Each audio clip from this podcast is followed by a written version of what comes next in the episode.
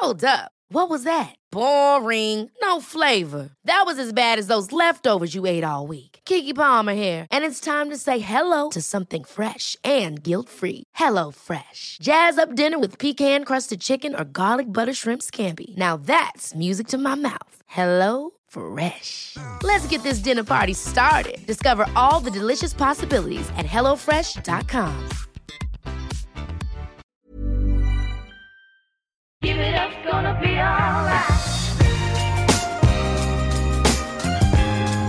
Eh, Det er en ære og en glede å mm, ha en ny episode klar. Det er selvfølgelig fett at du har sleid deg innom og har lyst til å lytte. Og i dag, kjære lytter, så skal vi snakke med en fyr som mm, jeg egentlig kjenner som skøyteløper, men som du kanskje kjenner som noe annet. Eh, og vi skal snakke om noen temaer som mm,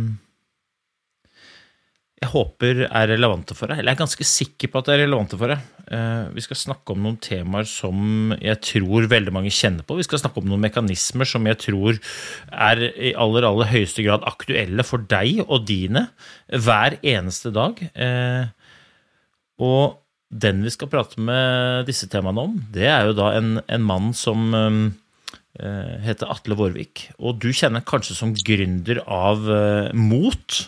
Eh, Mot er en eh, organisasjon som jeg har blitt kjent med gjennom idretten, men jeg kjenner egentlig deg at det mest som skøyteløper. Eller det vil si, jeg har hørt altså så mye om deg gjennom Mot, men hver gang folk sier til meg ja, Atle Vårvik, ja, det er jo han som har gründa Mot, så sier jeg ja, men han er jo egentlig skøyteløper. Eh, det må dere ikke glemme, men en ære at du har lyst til å dele noen tanker, eh, Atle. Velkommen skal du være. Tusen takk. En ære å få være her også. Ja, så hyggelig. Det er bra. Hvor er du i verden? Du, jeg sitter i Trondheim. Er, eh, det er fint. Er det bra er det, er det, Jeg spør jo om ski før, ja, da, men er det, er, det, er det vinter? Det er vinter, så vi har vært ei uke på Oppdal på hytta her nå, og da hadde vi en liten skitur hver eneste dag. altså. Ja, det er herlig. Jeg, jeg, syns, jeg ser det på spillet ditt. Jeg ser det på spillet ditt. Men du, hvis, hvis du skulle introdusert deg sjøl, hva sier du da? Altså, jeg er en uh, stolt pappa og en uh, mann som har vært i gift med kjæresten sin i, i 33 år. Det er de tingene som betyr aller mest uh, for meg. Det å, og jeg håper at jeg kan etterlate meg det å, at guttene sier at jeg har vært en eh, bra pappa, og at foreldrene mine syns at jeg har vært en eh, bra sønn. Og kona syns at jeg har vært en bra kjæreste. Det er de alle, aller tre viktigste tingene som en ofte ikke snakker om. Men eh, sånn tabloid og på en scene, så, så har jeg lett for å si det at jeg starta og skapt mot. Jeg har deltatt i to OL og var brukbar på skøyter. Eh, men det folk forbinder meg flest med, er Donald-drakten. Den her eh, aerodynamiske Donald-drakten som fikk oppmerksomhet i 1994. Ja, det er, jo, øh, det er jo et av de modigste eksemplene på det å tørre å drive med utvikling. Da. Eh, Som noensinne har sett. Jeg tror det er derfor jeg har bitt meg merke i deg, Atle. Fordi at jeg opplevde det der som så ekstremt modig. Det å tørre å gå utenfor den berømte boksen i jakten på å bli bedre. Og så er det jo ikke sånn at øh, annerledes alltid er bedre, men bedre er jo på et eller annet vis alltid annerledes. Og om det er Donald-drakta eller om det er Klæbo-klyvet, altså det, det å være nysgjerrig, det er en forutsetning for å drive med utvikling. Da. Det er det. Og det er jo, når du driver med utvikling, så ligger du jo også på limiten. Og det er jo og, eh, Mot er jo en viktig egenskap til mennesket. Det er jo den viktigste egenskapen et menneske kan ha, sannsynligvis. For det garanterer for de andre verdiene og, egenskapene du ønsker å, å, ha i det.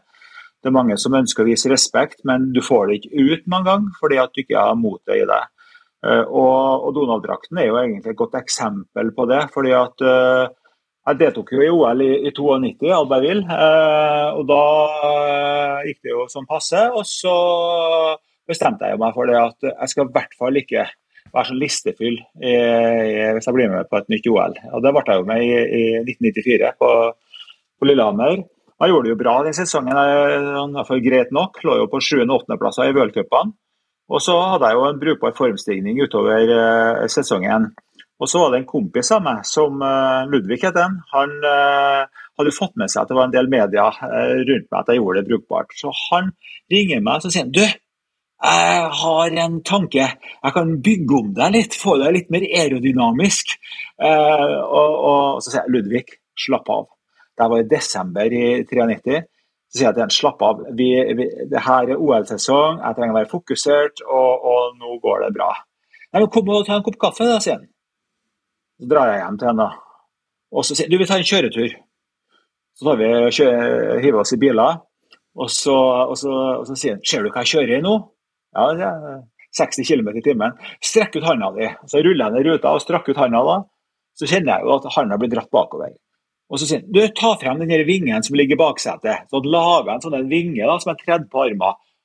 Ta ut handa nå, da. Og så gjorde jeg det.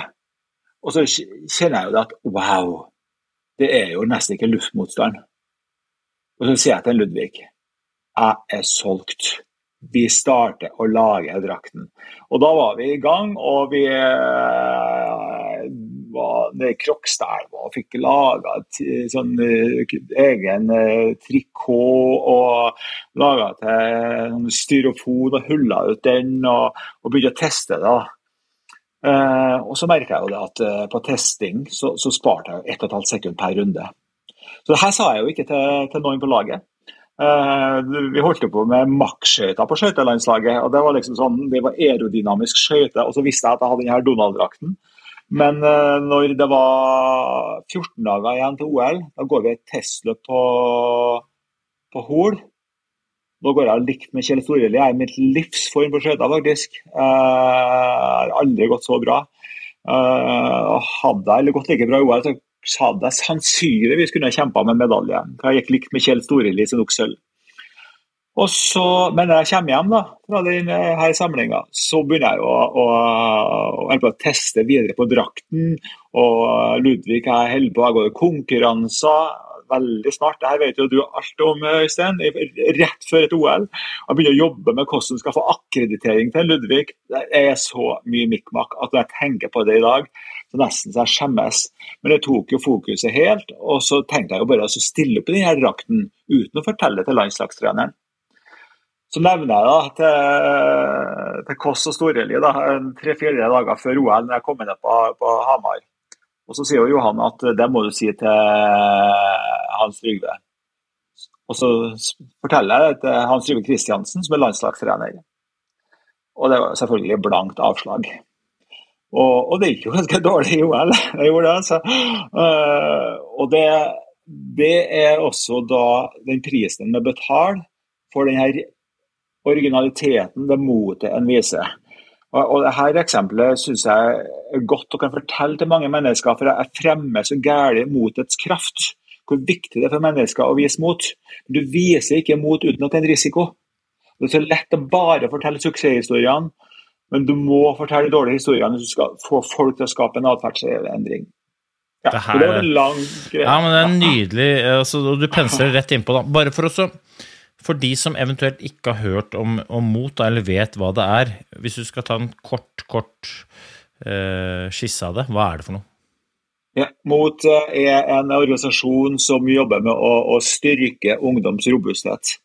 Eh, eh, så det styrker enkeltmenneskets robusthet. Og så jobber det også på, på skoler for å skape inkluderende skolekulturer og inkluderende klasse, klassemiljø. Ja, og, dere, og, le, le, ja. Ja, og dere har gjort, altså dere har gjort så fantastisk Det finnes jo ikke en skoleelev omtrent i Norge som ikke har vært borti eh, mot og vært borti ambassadøren deres. Jeg har selv hatt æren av å være ambassadør for dere i flere år. og eh, fått være med på det. Altså, det er jo det er en fantastisk, um, fantastisk greie. Men hvis jeg hadde spurt deg hva er mot for deg, og ikke nødvendigvis i organisasjonen, men bare i ordets betydning, hva er mot for deg? Det er to ganger tre ting, og det er jo da de verdiene til mot som, uh, som er drev og utvikla og, og formidla i 27 år. Og Det er jo mot å leve, mot å bry seg, mot å si nei. Og det er jo hvis du spør en ungdom som har hatt mot på tre år på ungdomsskolen eller videregående, så er det nok veldig mange av dem som vil si at det er det som er mot for dem. Mot å leve det handler om å være seg sjøl, det handler om å ha passion for noe. Det handler om å, å tørre å, å bære seg sjøl og tør å drite seg ut. Og mot å bry seg handler om å, å, å bruke den lommelykta, den usynlige lommelykta vi har, til, til å, finne det beste i andre mennesker. Eh, ikke slå på flomlyset, for da ser du så mye dårlig mange ganger, men, men lys på det. Og, og mot å si nei handler om å prioritere og, og velge bort. Eh, det å, Sam Saya, den tidligere ambassadøren, sa det bra at mot å si nei er å si ja. Ja til noe som er større, og ja til noe som betyr mer for deg.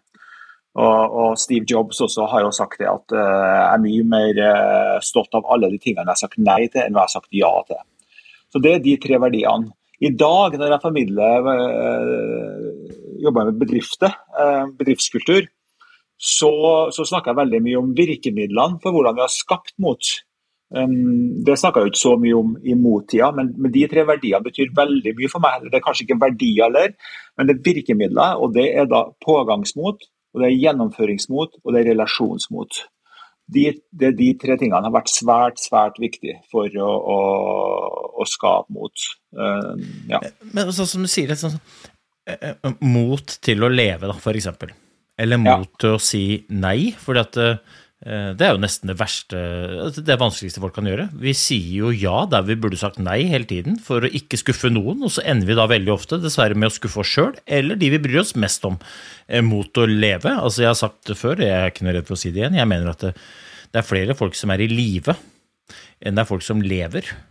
Eh, og, og, mot å bry seg, mot å stå mot urett. Altså, det er jo ting som i utgangspunktet er sånn Ja, men det er jo helt Selvfølgelig, Atle. Og jeg, jeg antar at du uh, sikkert også får, får, de samme kommentarene som jeg får innimellom når jeg fremmer dette. At det, sånn, dette, du slår ned vidåpne dører. Men, men, hvorfor, er så, hvorfor er det så vanskelig? Hvorfor, er det, hvorfor, hvorfor, hvorfor, i all verden må man ha mot til å leve? Altså, det er jo helt Burde jo være det, mest naturlige. Ja, det er ganske spennende det du sier, fordi at uh, ved at du da du, du, begrenser deg mot å leve. ikke sant? Når du hopper over det, så er det som å leve i et, eh, et fengsel. Eh, du, du, du, bryter ikke grenser. Og mot å si nei, så, så setter du ikke grenser. Så, så, det blir veldig sånn, Du balanserer på en sånn line da, til, til, til slutt. Eh, og for Det handler jo ikke om å være kjempegod på én av de tingene, det handler om å balansere den her. da. Så Veldig ofte så har jeg med et trekantsspeil og så, og så balansere det trekantspillet da, eh, på, på, på, på, flata eh, for å få til denne balansen.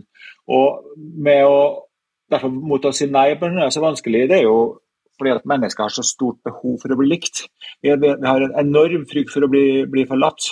Selv om vi eh, sjelden blir forlatt for om vi sier nei, så ligger den frykten sånn, sånn i oss. Så det tror jeg er et viktig element i forhold til at vi er dårlige på, å si nei. Pluss at det er lett å være litt bevisstløs. Så mange har faktisk motet, men du mangler faktisk bevisstheten på, på det. det og, og, i forhold til mot å leve eh, Når vi starta mot for i 94 og de første årene der, så tror jeg nok mot å si nei var det vanskeligste for ungdommene. Når jeg spør ungdommer i dag hva er det vanskeligst i forhold til de tre verdiene, så er det faktisk mot til å leve. Det å være seg sjøl er det mest krevende for ungdommer i dag. Og ja, det, det ja. jeg, jeg, jeg, har akkurat gitt ut en bok, den heter Helt deg. Uh, mm. av den enkle, akkurat det du sier. For at jeg opplever akkurat det samme. Vi, vi, lever i et sånt samfunn hvor man er mer opptatt av hva alle andre syns om oss, enn hva vi syns om oss sjøl. Og hvor vi er så opptatt av å bli anerkjent, akseptert og likt at vi glemmer at vi er ulike i utgangspunktet. Og det at vi er ulike, betyr ikke at vi kan, ikke kan like hverandre. Det betyr bare at vi er ulike, og det er helt supert. Og det er jo ingen konkurranse. Men vi har skapt et samfunn hvor man på en måte er livredd for å ikke være god nok, som om det er en konkurranse. Og så blander vi litt av de to tingene. For liksom, en ting er liksom der god nok-greiene, som ungdommer sliter med, og jeg tror også veldig mange voksne sliter med det. men sånn, på et eller annet tidspunkt så må man begynne å skille mellom at nei, vet du, du er ikke god nok men da snakker vi om de prestasjonene som du gjør. For det, det, liksom, det du holder på med, det kan alltid bli bedre. Men du som person, deg som egenskaper, den som menneske Ja, men du er god, og det er ikke noe nok der. Du er bare god. Punktum. Men liksom, nei, du vil aldri bli god nok. Du kan alltid forbedre deg selv innenfor noe. Men du som menneske, du er god. Jeg, liksom, jeg opplever det her som så Jeg syns det så jeg synes det er så trist da, at det krever mot å være seg sjøl. Det, det er jo helt Det er jo nitrist. Ja, det er det. Og jeg, tror jo at omtrent samtlige ønsker å være det. så, og, ja, ikke sant? Og da er det enda mer trist, for, så vidt. Og, og, og, det er klart at desto mindre robusthet et menneske har i seg, eller motstandsdyktighet, da, eh, resilience, desto verre er det for, for et menneske å, å, både bry seg om dem som er utenfor, og si nei til det du egentlig ønsker å si nei til, og det å leve og være seg sjøl. Så det, den suksessfaktoren, den nøkkelfaktoren med å bygge opp robusthet, er så utrolig viktig. Og eh, jeg tenker på at veldig mange unge mennesker og voksne mennesker får masse støtte og gode, godt nettverk gjennom det sosiale medier i dag. Minuset med sosiale medier er det at vi veldig ofte er der hele tida. Det betyr at vi ikke får mye tid alene. Det, det, du er konstant på for å få både bekreftelser, men også for å få avvisninger. Det gjør at vi lett kan bli jojoer, og det skaper eh, mennesker som er, er skjøre. Og det eh, når, når, da det byttes ut med drømmer og lidenskap Du er et godt eksempel på det selv sjøl, at du har du, du, du, gløder, ikke sant? du har en lidenskap for rate gjennom sporten, men du har masse andre ting. Og du, du har eh, drømmer. Og likevel kjenner du sikkert også, selv om ingen tror det da, Vi er jo skjøre og sårbare mennesker, både du og jeg også. vi kjenner jo på det. og da kan du tenke deg da, Hvis våre drømmer og lidenskap har blitt bytta bort med bare respons på sosiale medier. Vi har blitt som aspeløv. Mm. Og, og, det er utfordringa i dag. Hvis at respons tar plassen til drømmer og lidenskap, hvis respons eh, tar plassen til utvikling. Så det her med utviklingsfokus Jeg, jeg brenner så gæli for at unge mennesker ikke skal være så gæli flinke. Ballan, mange balanserer på en sånn flinkhetsline, ikke sant. Uh, og, og, og, I stedet for å ha være den liksom breie veien med utvikling isteden. Uh, ja, for flink i forhold til hva? ikke sant? Det er det som er problemet. Og, og, og det du sier rundt den der responsen. ikke sant? Det som er, eh, Jeg skriver mye om det i bøkene, eh, begge bøkene mine, egentlig. Men det, liksom, det som er så skummelt med den responsen, er at det er noe du ikke får styrt. Ja. Så du overlater din grad av verdi, da, eller om du lykkes, eller om du er suksess, eller kall det hva du vil, til andre. Og det i seg selv er så usikkert, og det gjør at folk tviler. Og når du tviler, ikke har mot til å gjøre fordi du er frykter responsen, så ender veldig mange opp med å ikke gjøre. Og da går man rundt som du sier, og bare ønsker seg at man har mot. Ja, Men mot er ikke verdt en dritt før det utvises. Altså, det er jo ikke verdt noen ting. Du kan si at du er modig og at du har masse mot, men hvis ikke du gjør noe som du per definisjon frykter litt, så er det jo ikke mot. Og dette, dette er en sånn balansegang, men, men, da er du jo inne på liksom eh, Da er du inne på motets kraft, da. For liksom eh, det, er, det er som du sier, det er veldig mange jeg er helt sikker på at lytteren kjenner seg igjen. Det er ingen som ikke har lyst til å være modig. Ikke i betydningen gjøre farlige ting, men i, i betydningen stå for det en står for. Gå etter det en har lyst til å gå for. Leve, ikke være i live. Være seg sjøl, ikke noen andre. Og bry seg der hvor eh, andre ikke tør. Ikke det, det er jo, dette er jo kjerneverdier som veldig mange har lyst til å identifisere seg med. Men det fordrer at du har mot. og motets kraft? Altså, hvordan i all verden er det man får mot, og hva er det, som, hva er det, det betyr? Hva, hvordan, hva, hva, slags ringvirkninger får det? Ja, det, det ringvirkningene. Ta det først, da. Så, så tenker jeg det, det, er jo en flust av, av, av, fordeler med det. fordi at det gjør at vi lettere tør å feile. Vi tar, tør lettere å, å, å, å, satse. Eh, vi tør lettere å gå etter drømmen vår. Vi, vi, vi, vi tør lettere for unge mennesker å, gå etter den du er forelska i. Eh, ja, er, eller for ja, voksne mennesker eh, som har vært sammen i 20-30-40 år som kjærester, og så kanskje drømmer du faktisk om å bryte et mønster. Det krever jo mot bare å gjøre det. Så det er så masse ting da, eh, som, som er fordelene med det, det, det her motet. Og, og hvordan får vi det her motet? Det tror jeg er, det er litt individuelt, eh, selvfølgelig. Men det å lage seg tanker For mitt vedkommende så har både sitater, forbilder hjulpet meg. Og du er jo litt yngre enn meg, så du er ikke sikkert husker på Willy Reilo, du. Men, Jo da, eh, jo da. jo da, jo da. Som gammel Lenny H-student så husker jeg det. Ja, og jeg leste den boka da jeg var 17-18 år, og det, det, det brant jo seg fast til meg. Det her med å, å bruke de her setningene 'jeg vil', 'jeg tør', 'jeg kan'. Og sette kryss over 'jeg må', 'jeg bør', 'jeg skal'. Og det, bare en sånn en liten ting stimulerer jo til å bli enda mer modig. Det å få frem enda mer motets eh, kraft. Og, og så er det det når vi da jobber, har jobba med ungdommene, med ungdommene i, i skolen, så er det jo masse verktøy som en kan bruke for å, å, å få de her ungdommene til å vise enda mer mot. Uh, så er det mange voksne mennesker som sier også at å, det skulle ha vært på arbeidsplassen, det skulle ha vært på, på aldershjemmet. Det er folk som sier Og faktisk, og jeg har lyst til å ta et lite eksempel på akkurat det her, for det handler om hvordan vi får frem motet i oss også. For eh, tolv år siden så kjørte jeg en pilot på noe som heter For mot til å eldes. Jeg hadde en gruppe med mennesker mellom 58 år og 83 år, 15 stykker. Og så eh, kjørte jeg da på et halvt år med fire samlinger på denne eh, gruppa. En av dem som var deltakere, han er for Arve, og jeg har fortsatt kontakt med. Og eh, han eh, var da på den tidspunktet ja, 63 år eller noe sånt. Og så eh, hadde jeg blitt litt kjent med han, for jeg var frivillig på Motcamp. Så jeg hadde blitt kjent med han litt i forkant. Og jeg syntes litt synd på han, for han hadde det såpass tøft. Og det var ikke noe Det var ikke så mye glede å spore, for å si det sånn. Eh, Men så var han jo med på de her samlingene, og så hadde jeg hatt noen møter med han i, i etterkant. da. Eh, ikke så mange, kanskje møtte han fem-seks ganger. Og så inviterte vi han hjem til oss, Sigrun da, kona mi, på, på, på en lunsj før, eh, i sommer. Sist sommer. Og så er det jo en helt annen mann. Eh, Han utstråla jo en sånn eh, begeistring. og eh, Tidligere så snakka han jo bakover og var litt offer, da, for å si det sånn. Men nå snakka han jo fremover og var en gutser. Og han hadde lyst til å gjøre noe for samfunnet. Så han liksom, det var ikke seg sjøl lenger som fokuset, han snakka om andre.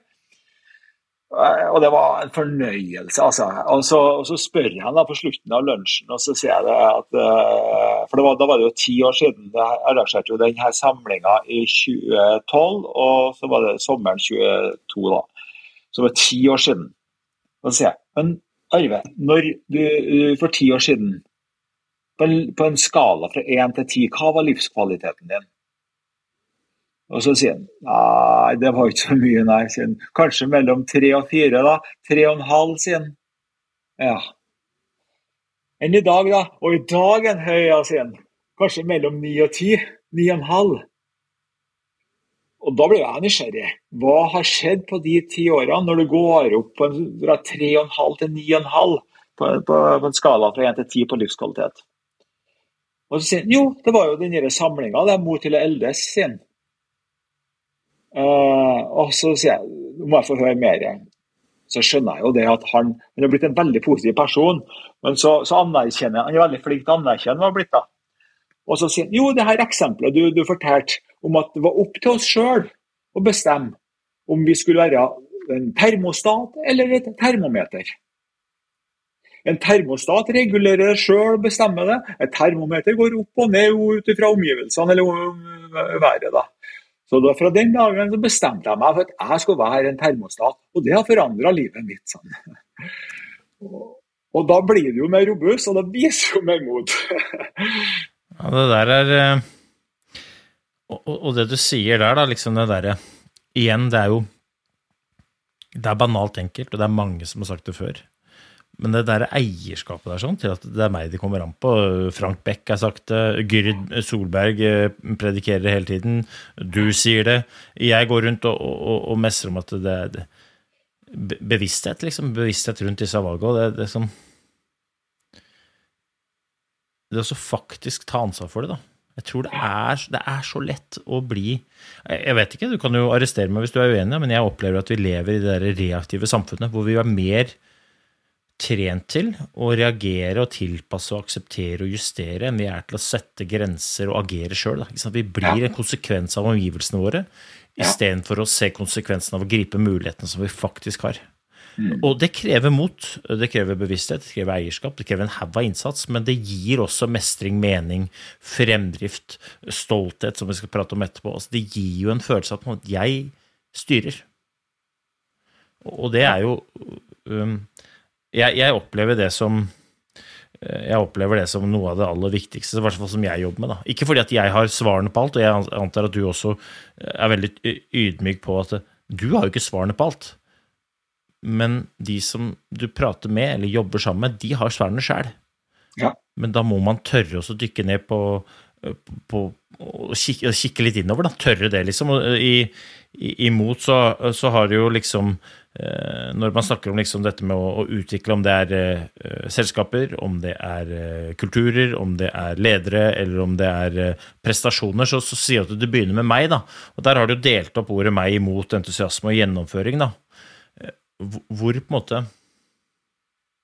Hvor mye jobber du med det for å liksom innprente det?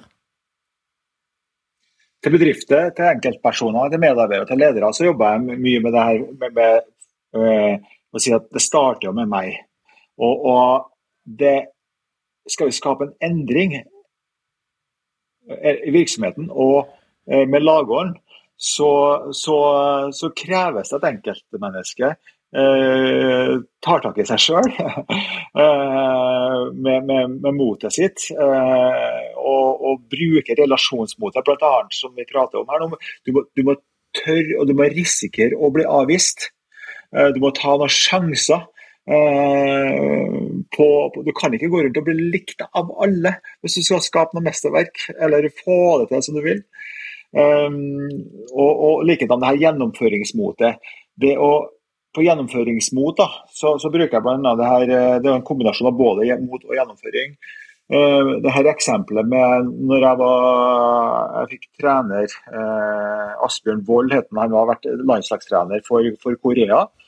Jeg fikk han som trener da jeg var 15 år. Jeg var jo starstruck da jeg fikk han som trener. Ah, hun er min, altså. Han jo, hadde jo trent uh, europamestere og uh, trente jo da også Rolf Karlsen ble verdensmester. og og så, og så skal jeg få han som trener. Og han var jo, Jeg kalte jo en spade for en spade. Eh, og da på en av de første isøktene så sier han jo til meg at uh, Vårvik Han kalte meg Vårvik det første året. Vårvik, har du lyst til å bli skøyteløper? Jeg drømte jo om å gå med Norge på ryggen. Ja, sier jeg. Da må du få ned ræva di. sier jeg. Du må sette deg lavere med rumpa, sier han. Og så fikk jeg da en innføring om hvor viktig det var med vinkel for å, å ha kraft. Vi, vi skulle gå fire ganger ti runder på denne økta. Og så, og så, går jeg da Jeg hadde gått den første tirunderen og så går den andre tirunderen. Og så setter jeg meg lavere. Og så kommer jeg bort igjen, og så sier han Er du tunghørt, du? Hæ, sier jeg. Du hørte ikke hva jeg sa? Jeg sa du skulle sette deg lavere. Jeg følte at jeg gjorde det, ikke sant? men det kosta jo så mye, og så vistes det nesten ikke. Og, og på tredje tirunderen så, så svei det jo som bare det, og så prøvde jeg. Og da var jeg ikke fornøyd. Og på siste eh, tirunderen så greide jeg ikke vet du, å, å hele tatt å, å, sette meg å komme meg gjennom de ti rundene. Så jeg måtte stoppe etter sju runder. Og da sier han ja, nå begynner å monne. Altså. Nå begynner jeg å ligne på noe. Og jeg tenkte jeg har ikke sjans til å gå sånn. Det var jo så vondt. Uh, også, men så jeg har bestandig vært opptatt av mental trening. så, så på, Også på den tida så hørte jeg mye på sånne mentale spor. Eller kassetter, da, som det var i min tid. og, og, og, da, og så da var det en ting som jeg bare hadde forelska meg og bitt meg fast i, som sa at Gjør det her i 30 dager, og du vil gjøre det resten av ditt liv. Så jeg bestemte meg for å gjøre det her i 30 dager. Det verste var faktisk ikke den fysiske smerten. Det verste var de her eldre eh, løperne som jeg så opp til, og, og tilsvarende til andre trenere som sto på sidelinja, som da hadde noen kommentarer til meg og sa Hvor er det blitt av flyten din, Atle? For min styrke på skøyter var flyt, og gå runde etter runde. Det var vondt å høre. Jeg, var, jeg må bare si at jeg var nære på å gi opp. Men jeg holdt fast i 30 dager. Og etter 30 dager så greide jeg å gå så lavt med den flyten. Mm. Men det var vondt. Og det krevdes mot, og du måtte gjennomføre. Og det er mitt budskap til, til, til, til ledere og medarbeidere og, og, som ønsker å, å, skape mesterverk av virksomheten sin. Du gjør det ikke uten at det koster noe. Du må gå, de, de fleste vil, men å gå fra ville til gjøre, det, det krever eh, både bevissthet og mot. Så det, det, det har den i seg som enkeltmenneske, det får frem den Jeg, glø, jeg syns det er så morsomt da, og har så, stor glede av å inspirere enkeltmenneskene til å få frem det her. da. Det, det, det, det, er utrolig artig, for det hjelper ikke bare på arbeidslivet, det hjelper jo på livet til den enkelte. Så, så da har jeg egentlig slått, fortalt litt om både motet og gjennomføringskrafta. Og på, på entusiasme så er det jo det er faktisk en ting som jeg opplever er lettest å jobbe med. Fordi at mange har lyst til å vise entusiasme. Og så legger de lokk på seg sjøl.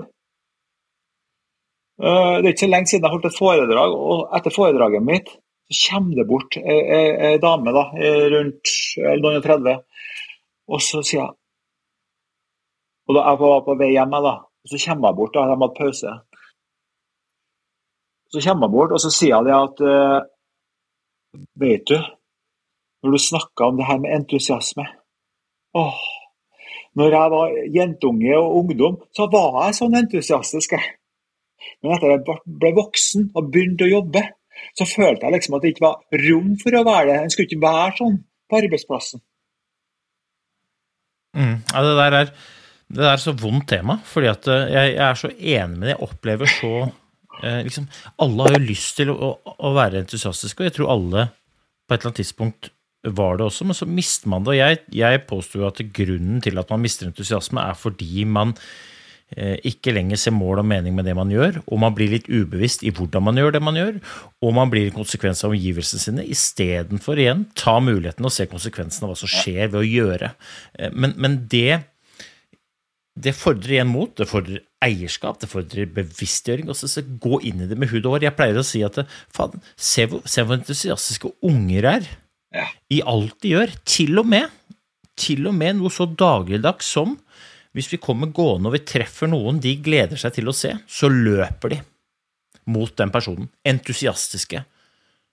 Hvor mange voksne kjenner du, Atle, som hvis de ser noen de ikke har sett på en lang stund, begynner å løpe mot dem som veldig blide?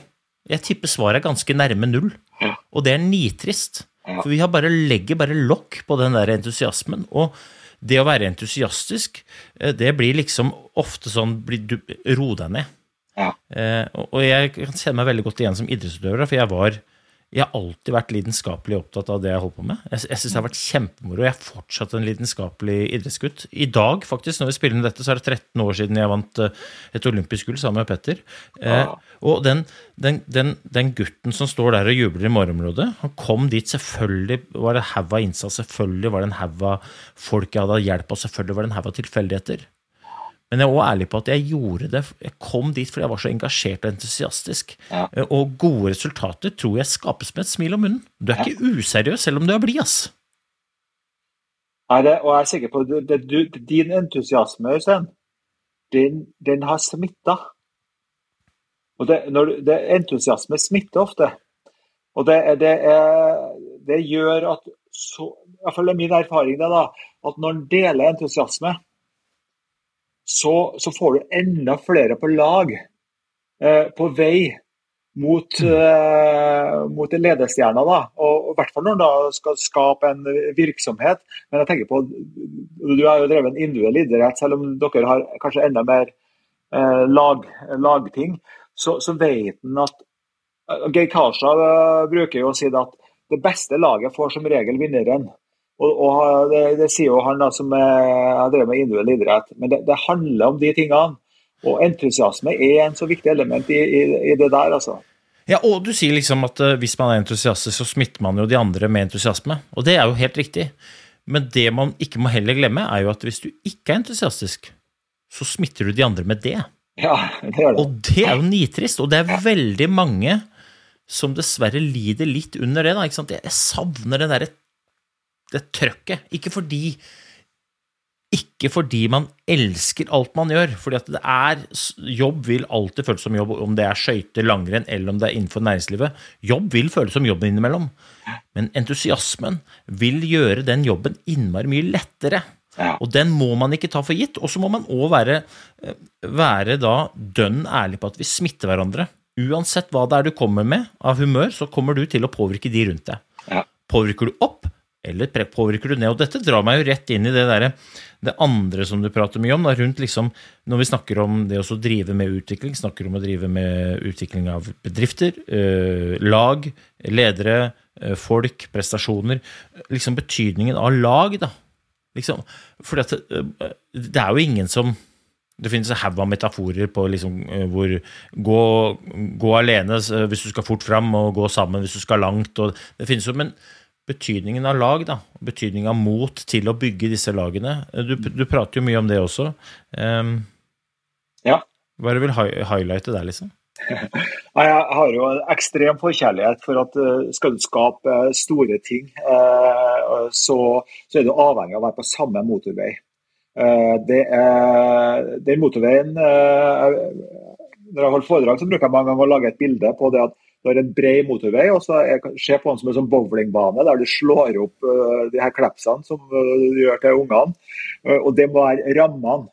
Du må, ha, liksom, du holde deg innenfor aksjeloven og Norges lover på ene sida, og så må du holde deg innenfor konseptloven skal du si, til virksomheten på den andre sida. Og Det er krevende mange ganger, fordi at mange vil gjøre det på sin måte. Og, og det å, Jeg har veldig sansen for at eh, folk skal være selvstendige, eh, selvgående, eh, og at kreativiteten og friheten bare blomstrer, og at en slipper å ha noen mye møter. Bare kjør på, dundre på. Men det betinger at du er innenfor rammene.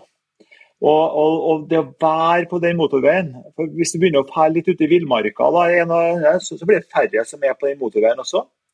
Og Så må du jobbe for å få dem inn. Og Det sies jo at det er mange veier til Rom. Men så bruker jeg mange ganger det, de her fuglene, da, de som flyger V-formasjon, så skal til Syden, som et eksempel. Eh, det er de sterkeste fuglene, og de som er best til å navigere, som flyr først. De andre fuglene, de ligger i, i, i det her eh, dragsuget og sparer 40% av energien. Og så kommer de seg til Syden, nesten alle sammen. Og hvis en del av dere som ligger i dragsuget skulle fløyet alene, så har de ikke hatt eh, evne til å navigere og ikke vært sterke nok til å komme seg til Syden. Og, Derfor så mener jeg at vi må være samla på denne motorveien. øh, og, og, og, og, Det er så tøft da, å komme hele gjengen samla til mål. og, og Istedenfor at du gambler på, på enkeltpersoner. Så det er, det er det jeg legger veldig mye i, i god lagånd og teamånd. Og så har jeg ekstrem forkjærlighet for, for tillit. Eh, Det å gi tillit og vise tillit innenfor denne ramma. Jeg, jeg, jeg er så glad i tillit. Jeg har vært veldig heldig, for jeg har blitt vist og gitt tillit så mye, mye sjøl som, som, eh, som guttunge. Og så har jeg også da, i forhold til det du spør med lag, eh, en, en suksessfaktor i, i et lag. eh, I hvert fall eh, Det jeg har observert og, og det jeg har erfart og det jeg har kjent på kroppen, det er eierskap.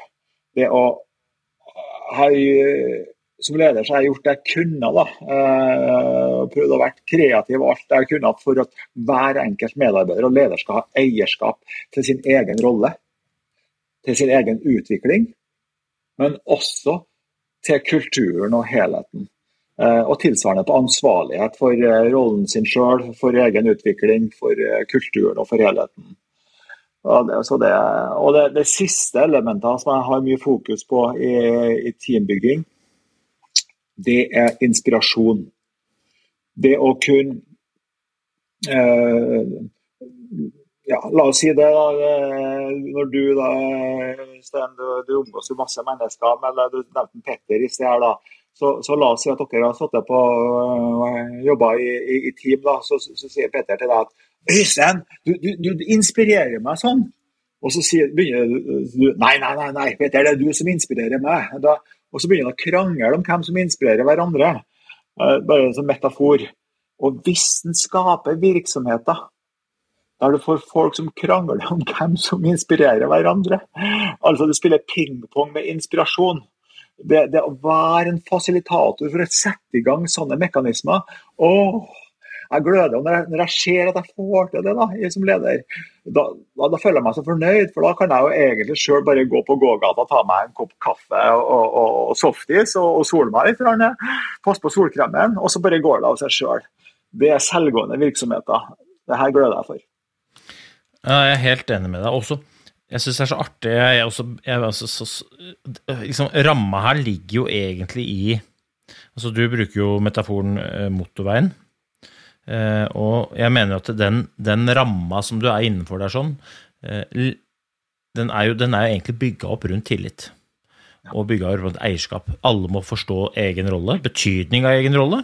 Ikke, ikke betydningen at uh, du er under meg, men betydningen at vi er på lag, og vi er avhengig av alle. Uansett hvor du er i flokken. Vi er avhengig av deg, og jeg er avhengig av at du tar eierskap til å gjøre jobben din 100 Jeg er avhengig av at du møter opp, og gjør, om det er 1% stilling, 100% stilling, om du har vært der i én dag eller 200 år.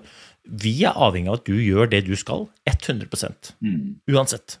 Eh, også den tilliten, da, for å få til det, så liksom, tillit er jo helt avgjørende. og eh, I mitt hode så Du sa jeg har vært, vært, heldig og blitt vist tillit. Jeg tror ikke du har vært heldig. Jeg tror du har vært noe som er veldig viktig for å bli vist tillit. Og det er bare ekte. Jeg tror mot til å være seg selv er veien til å få tillit. Fordi når du møter noen som er ekte, som ikke prøver å spille noen rolle, så begynner man å stole på den personen. Ok, ja, men du er jo sånn som du sier at du skal være, og jeg ser deg, jeg føler jeg kjenner deg med en gang. Og det gir meg tillit til det. Det betyr ikke at du kan alt, men det betyr at jeg stoler på at du gjør det du skal, og at du sier fra hvis det er noe gærent, og at du er deg sjæl. Og det skaper jo relasjoner. Og gode relasjoner ja, men Når man har det, da er man jo et lag. Men hvis man ikke har relasjoner, fordi man ikke har tillit, så har man heller ikke noe lag. Og da tror jeg at du får de der løse kanonene som stikker ut av den motorveien din. da. Ja. Og da vil man miste mange. Og det kan godt hende at de ikke passer laget, men i, i stort sett så er det, er det, jo, er det jo, fine folk. Ja.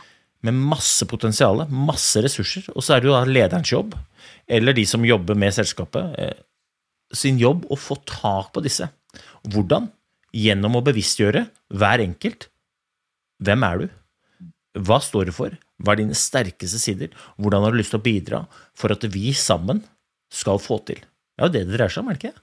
Jo, det, det du sier der, det, det er så herlig. Eh, for eh, når, når en har rekruttert folket, så er det det å At, at de da også uh, har de rette rollene. Uh, og det, det, er en ting som jeg gleder veldig for. at du der du har dine gaver, har du dine oppgaver. Eh, og, og, og, eh, så du får være i den rollen. Og så må du også ha riktig kart. Og det, det, det, er mange som kan ha, være i riktig rolle, men så har ikke det, det, rett struktur da, i organisasjonen. Så du må ha rett både styringsstruktur og organiseringsstruktur. Da, eh, riktig organisering. Og, så når en har det, det, Eh, det har noe som er RA som er forkjærlighet for da, riktig rekruttering og, og, riktig rolle og riktig organisering. Og så må du ha riktig opplæring. litt det du snakker om. Det, det å, når du får inn en ny person i laget eller i virksomheten, at den ikke tar det for gitt at den kan det med en gang.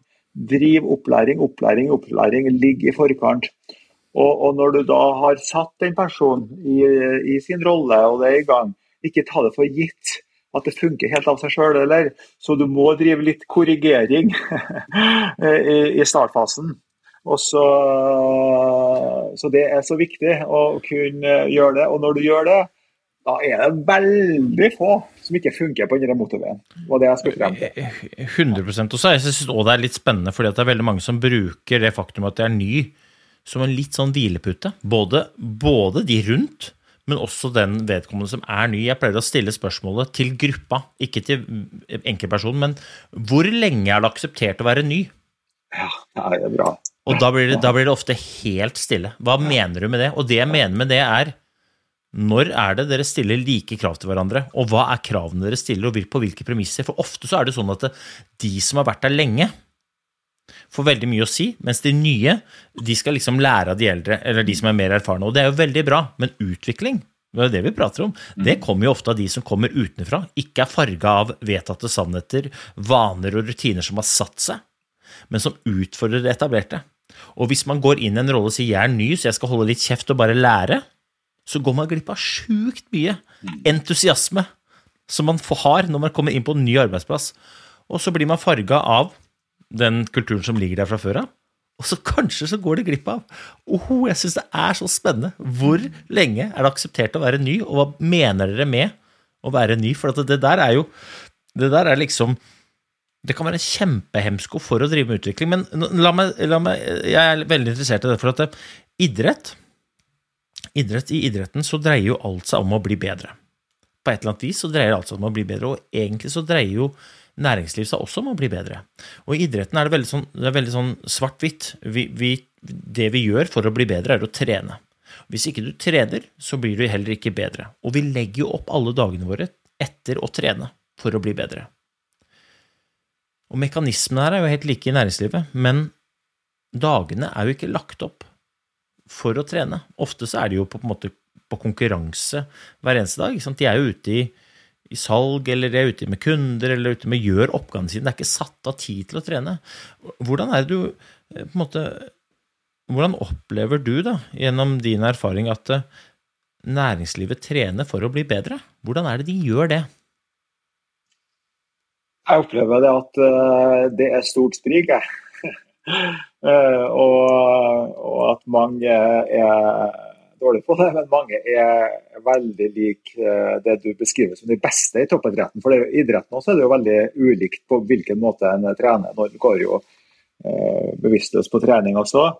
Og eh, jeg kan ta litt om hvordan vi jobba når med den gruppa i, i, imot i mange år.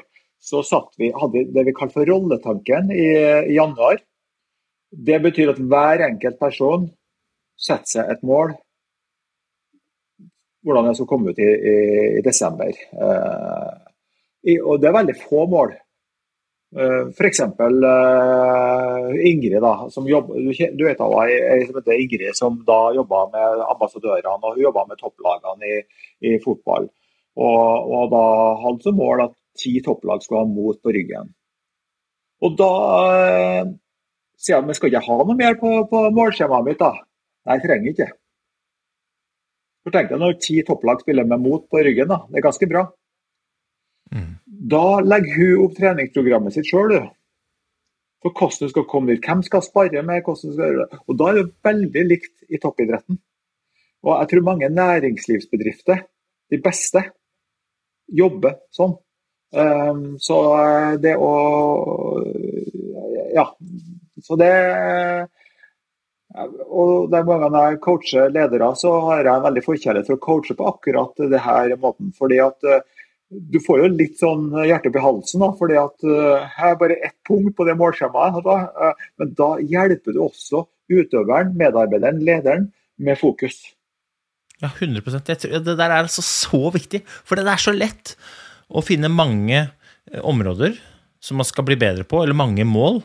Eh, Og så ender man opp målløs, eller man ender opp med å gjøre litt av innmari mye istedenfor innmari mye av litt. Ja. Og det ene er jo oppskriften på å bli sliten. Det andre er jo oppskriften på å nå mål. Ikke sant? Og det, det her er jo Jeg syns det, det er kjempespennende det du sier, da, for at det jeg opplever at Jeg er helt overbevist om at mekanismene for å bli bedre er helt like, uansett hva det er vi prater om. Du må øve, du må trene, men hvis man ikke har tid til det, så må man øke bevissthetsnivået, og så må man være krystallklar på hva er det som er min rolle, Yes. hva er det mitt mål, hva er det som er forventa meg, og da når, hvis hver, tenk deg, tenk deg i en ideell verden, hvis hver ansatt i hele Norge AS hadde visst helt konkret hva det er som blir forventa av en, hva det er som er målet, og hva de skal jobbe med, så vil du få haug av folk som har lyst til å ta tak, lyst til å lede seg selv, lyst til å overlevere, lyst til å overprestere, og kjenne på mestring, fremgang, øh, det ene og det andre. Men, men sånn er det ikke. Det er veldig sjelden at jeg reiser rundt og så spør jeg bare Hva er målet ditt? liksom du. Ikke fortell meg hva er jobben din, men hva er målet med jobben din. Så, så blir folk sånn, litt sånn glassaktige i blikket. Og da tenker jeg eh, hvis man drar det lenger, da, og veldig mange liksom sier ja, jeg, jeg, jeg sliter med motivasjon, f.eks., eller jeg sliter med, jeg føler ikke mestring. Hvordan i all verden skal du kjenne på mestring hvis ikke du vet hva det er du skal mestre utover å jobbe? For det er, ikke noe som, det er ingen som hadde en plakat av noen som jobba på veggen. Liksom, det er ikke, målet mitt er å jobbe. Det er ikke noe, det er ikke noe mål. Uh, liksom, få seg jobb, ok, det er greit, men, men målet å jobbe i seg selv det er ikke, Opptatt med å være opptatt det er ikke noe drøm. Opptatt med å få til, det er noe helt annet. Men det krever den der bevisstgjøringa som du prater om. da. Ja, Det der er spennende. Altså, for Jeg kjenner igjen det du sier. at Når jeg da har jobba med grupper, og det kan være ledergrupper, eh, så er det faktisk litt krevende når du begynner med et målskjema og skal sette et mål for et år frem i tid. Det å, å skille mellom mål og arbeidsoppgaver. Så det er så lett da at du får den her smørbrødlista med to do ikke sant? istedenfor Mm. for målet. Og, men når du da har jobba med det og får til den her målfokuset, så, så skaper det veldig tydelighet, men det skaper også en veldig sånn eh, befrielse. Både for, eh, for den enkelte og for lederen. Og det, du skaper jo selvgående virksomheter av det. Så, ja, er det ikke det alle ledere egentlig ønsker? Jeg tror det. Håper Og så tror jeg òg at veldig mange ledere står på, på, øh, på pidestallen sin eller på, og snakker om at vi må evne å prioritere. Det, er, det blir det viktigste neste året, og at vi klarer å prioritere. Og hvis du da spør folk hva er målet, og de ikke vet svaret på det, hvordan i all verden skal man klare å prioritere da? Altså sånn, uff, ja, nei, det får vi bare gjette, da. Og nå sier jeg det kanskje litt flåsete, det er ikke så flåsete, men grunnen til at jeg påpeker det, er nettopp fordi at det, dette er veldig enkle mekanismer som vi glemmer på det grunnleggende nivå. Men hvis vi hadde fått de på plass, så tror jeg det er veldig mye viktigere og lettere å drive med utvikling, både innenfor næringslivet, men også innenfor det personlige plan. For at utvikling dreier seg om bevissthet, eierskap, mot til å gjennomføre, men du må vite hva det er du skal drive med utvikling. Og så er det også sånn, jeg, synes, jeg, jeg pleier ofte å si det at det, det er veldig mange som sier at, um, at det er mange endringer, og det er mange endringer, men en del endringer er jo skapt av noen som innenfor din bransje driver med utvikling. Når de lanserer sin måte å gjøre ting på, som flyr, så opplever resten det som endring. Og de som driver med endring, og bare endringer, de reagerer. De er bare bakpå. De beste, de som setter standarden, de driver med utvikling. De agerer. Eh, og nå, nå ble det jo ikke eh, Nå ble jo ikke din, eh, din Donald-drakt eh, noen utvikling som fløy, men hvis den hadde flydd, så hadde resten av skøyteverdenen opplevd det som en endring. Klappskøytene, eh, samme eksempelet. Mm. Noen driver med utvikling, resten er skeptisk, helt til de ser at det flyr, opplever det som en kjempeendring. Klæbo-klyvet, akkurat det samme. Vi har gått på diagonalgang, samme måten, helt til eh, Klæbo begynner å løpe, og langrennsverden står og måper. Opplever det som en kjempeendring. Klæbo og morfaren driver med utvikling. Vi i resten drev med endringer. Og det, og det å bare leke med ordene og skjønne forskjellen, jeg, jeg, jeg tror det ligger kjempemye kraft i akkurat det. Stille. Mm. Men et, et spørsmål. Når folk utviser mot, hva er dine erfaringer rundt hva det gjør med liksom kraften i hver enkelt? Potensialet? Til den enkelte så, så skaper det jo en eh, Du snakker om utvikling, og det er jo Jeg tror jo at det hjelper mennesket på å, på å utvikle seg sjøl. Men det stimulerer også andre. Det, det er mot smitte. Og det er, det er utrolig fint. Det, er som en ordfører sa når vi var på, på, på turné, men som motturné, så sier han det at det jeg har observert, det er at når dere kommer med de her verktøyene til mot, mot i klasserommet, så de ungdommene de har jo et mot inni seg, men dere får motet ut. Eh, så det er jo eh, du, du skaper en større gjennomføring da, med når de her ungdommene utviser mot, eller voksne mennesker utviser mot.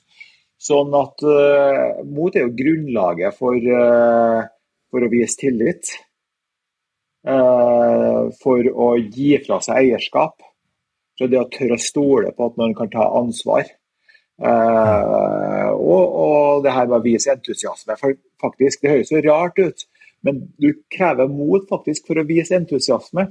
Og jeg har jo et lite eksempel på, på noe som er på tok fra meg mot det. Eh, og jeg tror kanskje noen kan kjenne seg igjen også. For jeg har jo stort sett bare plusseksempler med, med, med, det med entusiasme. Men det her er over 20 år siden vi, vi, vi var til næringslivspartner og, og, og skulle møte markedssjefen og HR-sjefen. Og vi skulle selge inn mot eh, som en sånn hovedsamarbeidspartner. Jeg hadde en time der. Jeg var litt spent. Og så kjører jeg i gang da, med presentasjon, og, og de er jo ivrige. Og, og når det har gått 50 minutter, så sier jeg vi har bare 10 minutter igjen. Hva skal vi bruke siste 10 minuttene til? Og så sier han HR-sjefen at du har god tid, så jeg kan sitte litt til. Ja, jeg òg, sier markedsdirektøren. Så jeg satt der i to og en halv time, og så sier han HR-sjefen du, du, du, har ikke med deg en kontrakt, da? Og da tenkte jeg åh, dette her var bra. Så uka etterpå så skal jeg til en kommune. Og så tenker Jeg på, jeg bruker omtrent samme taktikken og teknikken og presentasjonen. Det var en time der òg. Det var ni stykker som satt der fra administrasjonen. Så, og så merka jeg at det var litt sånn begravelsesstemning. Så tenkte jeg har ikke jeg dagen min? Så jeg dro på litt mer da, med entusiasme. Og det ble enda mer begravelsesstemning. vet du. Og når jeg er ferdig, da, så rekker han opp handa, assisterende rådmann, og så sier han et spørsmål. Hva slags sekt er det du representerer? Oi, oi, oi. vet du. Jeg hadde, hadde lyst til å bare synke gjennom gulvet. Og, og vet du, jeg, må, jeg skal være ærlig og si det at det reduserte entusiasmen min de neste ukene. Uh, fordi at det var et så slag i trynet. Og så tenker jeg på hvor mye mennesker omgås ikke jeg som gir meg kred for entusiasme. Og allikevel så påvirker jeg meg. Så jeg syns ikke det er så rart at andre legger lokk på entusiasmen sin. Og der er du tilbake til det vi begynte å snakke om. da, liksom den derre mot til å være seg sjøl. Mot til å leve. Mot til å ikke bry seg om hva alle andre mener, men være mest opptatt av hva han selv mener. For du er jo da, Responsen var jo veldig dårlig, og så tillegger du deres respons mer verdi enn hva du selv mener om deg sjøl. Og så er det jo veldig artig, for det du påpirker på, er jo den derre Ja, men vi er jo ulike. Man, man, har man har så lyst til å bli likt at man prøver å være like de man omgås, og så glemmer man at man er ulike. Og hvis man da opplever at man er ulik, så blir man ofte litt sånn Nei, men oi, de liker ikke meg, for vi er ulike. Og, og det der er jo Det der er jo øh, jeg, jeg, skjønner det. Men ja. samtidig så, um, så er det da modig å, å, å banke videre og ikke, ikke, tillegge det så mye verdi. Og er jo, vi er jo verdensmestere i og hvis du får 10 000 hyggelige meldinger og én dårlig, så vet du jo hvem som du tillegger som mest, mest verdifull. ikke sant? Det er jo, det er jo nitrist, men, men dette, er jo, dette, er jo, grunnen til at du øh, det, Og det arbeidet dere gjør, er så viktig, da. Eh, fordi ja. at øh, for, Og det, jeg, jeg, tror veldig mye av det her dreier seg om, hvis man skal koke det ned til til noe. Da. Hvordan er det man skal på en måte få tak i motet? Hvordan er det man skal skape en organisasjon med mot? Hvordan er det man skal skape mot internt hos seg sjøl, eh, ansatte? Hvordan er det man skal skape dette eierskapet, skape disse relasjonene? Jeg tror veldig mye av det dreier seg om trygghet. ikke sant? For ja. Det er lettere å utvise mot hvis du er trygg. Eh, så man må på en måte man må, må begynne med å skape trygghet. Og jeg tror at det raskeste veien til trygghet er gjennom å bygge relasjoner som bygger på tillit og når du har de relasjonene, basert på at folk er seg sjøl, så tar man av seg maskene, og så ser vi at vi er ulike. Og da er alle ulike. Og da er det ingen som er like hverandre, men vi kan like hverandre likevel. Og så er det veldig lett å være modig. Da. Og det å se Jeg pleier, jeg pleier å si til folk at eh, mot finner du overalt. Se etter mot i hverdagen, for du, det, det, mot utvises hver eneste dag om det er eh, guttungen som skal lære seg å lese, og jeg sitter der og, og, og, og hjelper han, og han vet at han ikke kan lese, han stotrer i vei med bokstavene sine, eller om det er noen som gir noen en klem, eller altså, Overalt utvises mot, men du må se etter det. Og det øh, vil jo inspirere. Jeg blir inspirert når jeg ser folk som er modige, når jeg ser folk som, mot, eh, som viser, utviser mot. Eh, og det betyr ikke at de gjør noe skummelt, og det betyr ikke at de er verdensmestere i det de gjør, men de bare tør å være seg sjøl. Eh, og tenk hvis vi kunne fått et sånt, sånt arbeidsliv, da. Og jeg mener at hvis, hvis, Noe av det aller beste med å være Eller utvise mot, i hvert fall hvis det er viktig, det er jo den derre stoltheten. Liksom den derre Den følelsen man får når man er modig, når man utviser mot for noe som er viktig for en, om det er på, eh, på, på grunnleggende nivå rundt eh, verdier eller atferd, eller, er eller om det er å gjøre noe man er litt sånn usikker på. Men det å utvise det motet, det skaper en sånn stolthet, og det er den stoltheten som jeg mener egentlig definerer følelsen om du lykkes eller ikke. Mm. du kan gå rundt og være stolt av deg sjøl. Mm. For at det, det, er, det ligger så mye trøkk i det, liksom. Mm. Fader, er stolt Være stolt av å jobbe en plass. Mm. Da, hvis du sier det, så tror jeg at du òg erkjenner at det, innimellom så gjør vi ting som vi er usikre på. Mm. Men vi er et bunnsolid lag hvor det er trygt å spenne buen og dra av gårde. Hvis jeg skal sagt liksom Jeg har lagt ut på LinkedIn i dag, da, liksom Det var altså så mange tilfeldigheter som gjorde at jeg fikk lov til å leve eh, livet som idrettsutøver. Men jeg er jævlig stolt at jeg hadde mot til å forfølge den. Ja. For det er så mange drømmer som punkteres i at man ikke har mot. Mm. Ikke sant? Og så blir det med en drøm, Mm. blir det med et ønske, og så, og så blir det ikke noe. Det å så skape det, um, den stoltheten, da, gjennom å tørre å utvise mot, Mm. er eh, Og jeg, tror- jeg tror det er kjempeviktig på personlig plan og i organisatoriske eh, fasetter. Mm. Jeg tror det er, er det samme mekanismen som er i spill. Ja, Jeg er så enig. Det, det du sier her med idretten. Jeg tenker på når du er stolt av lidenskapen din. Jeg jeg er jo eh, venn med Erik Hoftun, som var tidligere Rosenborg-spiller. Og det var jo folk som sa det, hvorfor gir han seg ikke på topp? Da, men han var så glad i idretten sin at det betydde mer enn applausen fra andre akkurat når han la opp på topp. Da han dro til Bodø-Glimt, fortsatte å spille med idrettsglede. Eh, ja, nå fortsatte Ole Einar Bjørndalen å, å gjøre det bra, da. men fortsatt idretten. Det er en slags stolthet som også ligger i det, tenker jeg. Så, så det, den stoltheten det, Skal du lykkes med noe, så, så trenger du å kjenne på den inni deg, og du må gjøre det du kan for å, at andre rundt deg skal være sprekkstolt. Eh, og det, som leder, da, så for mitt vedkommende, så har jeg tenkt på eh, det er jo må heller passe på så en gjør seg litt grann dummere enn hva han eh, er her, istedenfor å gjøre seg så mye mer smart enn hva han egentlig er. For det gjør jo at du blir litt sånn La folk Det, det er jo ingen som er uerstattelig.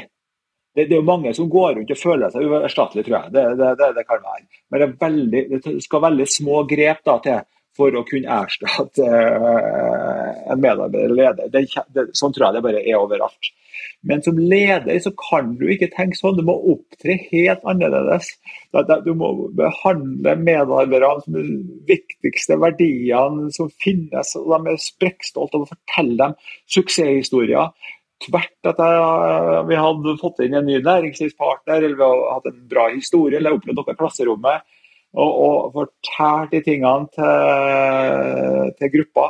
Så de er, de er så, stolt av å være en del av, av MOT. Eh, det å ja, Du ser det på de beste bedriftene. De, de er knallgode altså, til å skape eh, stolthet rundt eh, virksomheten. Det er en stor, stor suksessfaktor. Og det å opptre sånn også til folk utover sin egen kjerne og jeg snakka om den her, Hva slags sekt er det du representerer? Den her entusiasmen. En av de tingene som gjorde at det var lett å gå videre, det var en episode jeg hadde da fra noen år før. Og Det var jo da i 1996. Vi starta jo mot i 1994, men da kalte vi jo det norske toppidrettsutøvere mot narkotika. Og våren 1996 så hadde vi utvikla mot-logoen.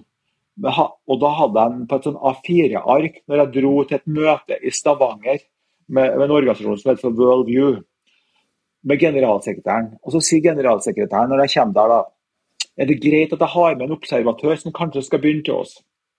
Ja, da sier jeg. Så sitter han da på, på enden av eh, bordet. Og så sitter han generalsekretæren jeg har et møte på to timer. Jeg er veldig ivrig, da, litt sånn som nå. og på slutten av møtet så tar jeg opp det her A4-arket. Det var ingen i verden som har sett mot-logoen, men da hadde jeg den på A4-arket. Så tar jeg den opp, og så sier jeg til henne En dag skal alle de her topplagene i fotball spille med den her bakpå. Det er den store, store drømmen min, sier jeg. Og så øh, er møtet ferdig da, mellom han og meg, så henvender han seg til observatøren og så sier han at nå Geir, hva, hva, hva syns du om møtet? Og så sier han da at det her var noe av det mest entusiastiske jeg har hørt på lenge. Jeg visste jo ikke helt hvordan jeg skulle tolke det. Og så sier han det at uh, uh,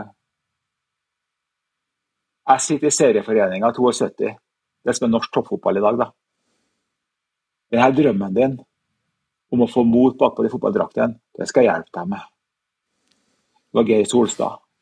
Det blir årsaken til at året etterpå så spiller alle tippeligalagene med mot på ryggen. Takket være delt entusiasme. Så selv om en kan bli kritisert for det, du kommer mye lenger med å dele entusiasme og en visjon. Du får med flere på laget. Det skaper stolthet. Man er fortsatt stolt den dag i dag, vet jeg. Det er eh, Jeg tror det er en perfekt uh, måte å avrunde en, en, en, nydelig time på. Altså det, jeg blir entusiastisk av å høre på. Uh, jeg blir inspirert av å høre på, og jeg blir klokere. Du er en klok mann, du har masse erfaringer, og jeg håper at du fortsetter å drive med utvikling. For det er det jeg opplever at du gjør. da, og ja, Rett og slett takk for at du var med. Det var helt konge, og du er helt konge. og ja, bare takk, ass. Tusen takk. Det samme. Det er inspirerende, Øystein. Så hyggelig. Og til lytteren, hvis det er noe dere har lyst til å eh, gi oss tilbakemeldinger på, hvis du har noen tips til gjester, hvis det er noe ris, ros, eh, feedback til enten Atle eller meg, så ikke nøl med å plukke opp telefonen. Du finner oss, altså du finner så mye på internett at jeg er helt sikker på at du finner kontaktinfo vår også. Vi gjemmer oss ikke, vi. Eh, og så er det ikke så lenge til vi sladrer inn med en ny episode. Ta vare, lag en strålende dag. Oi!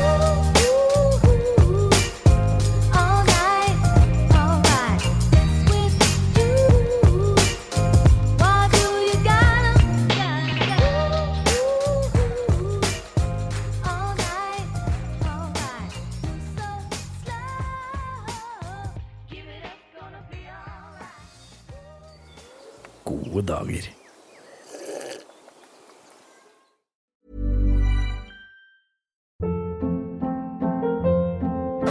Hold up. What was that? Boring. No flavor. That was as bad as those leftovers you ate all week. Kiki Palmer here, and it's time to say hello to something fresh and guilt-free. Hello Fresh. Jazz up dinner with pecan-crusted chicken or garlic butter shrimp scampi. Now that's music to my mouth. Hello Fresh. Let's get this dinner party started. Discover all the delicious possibilities at hellofresh.com.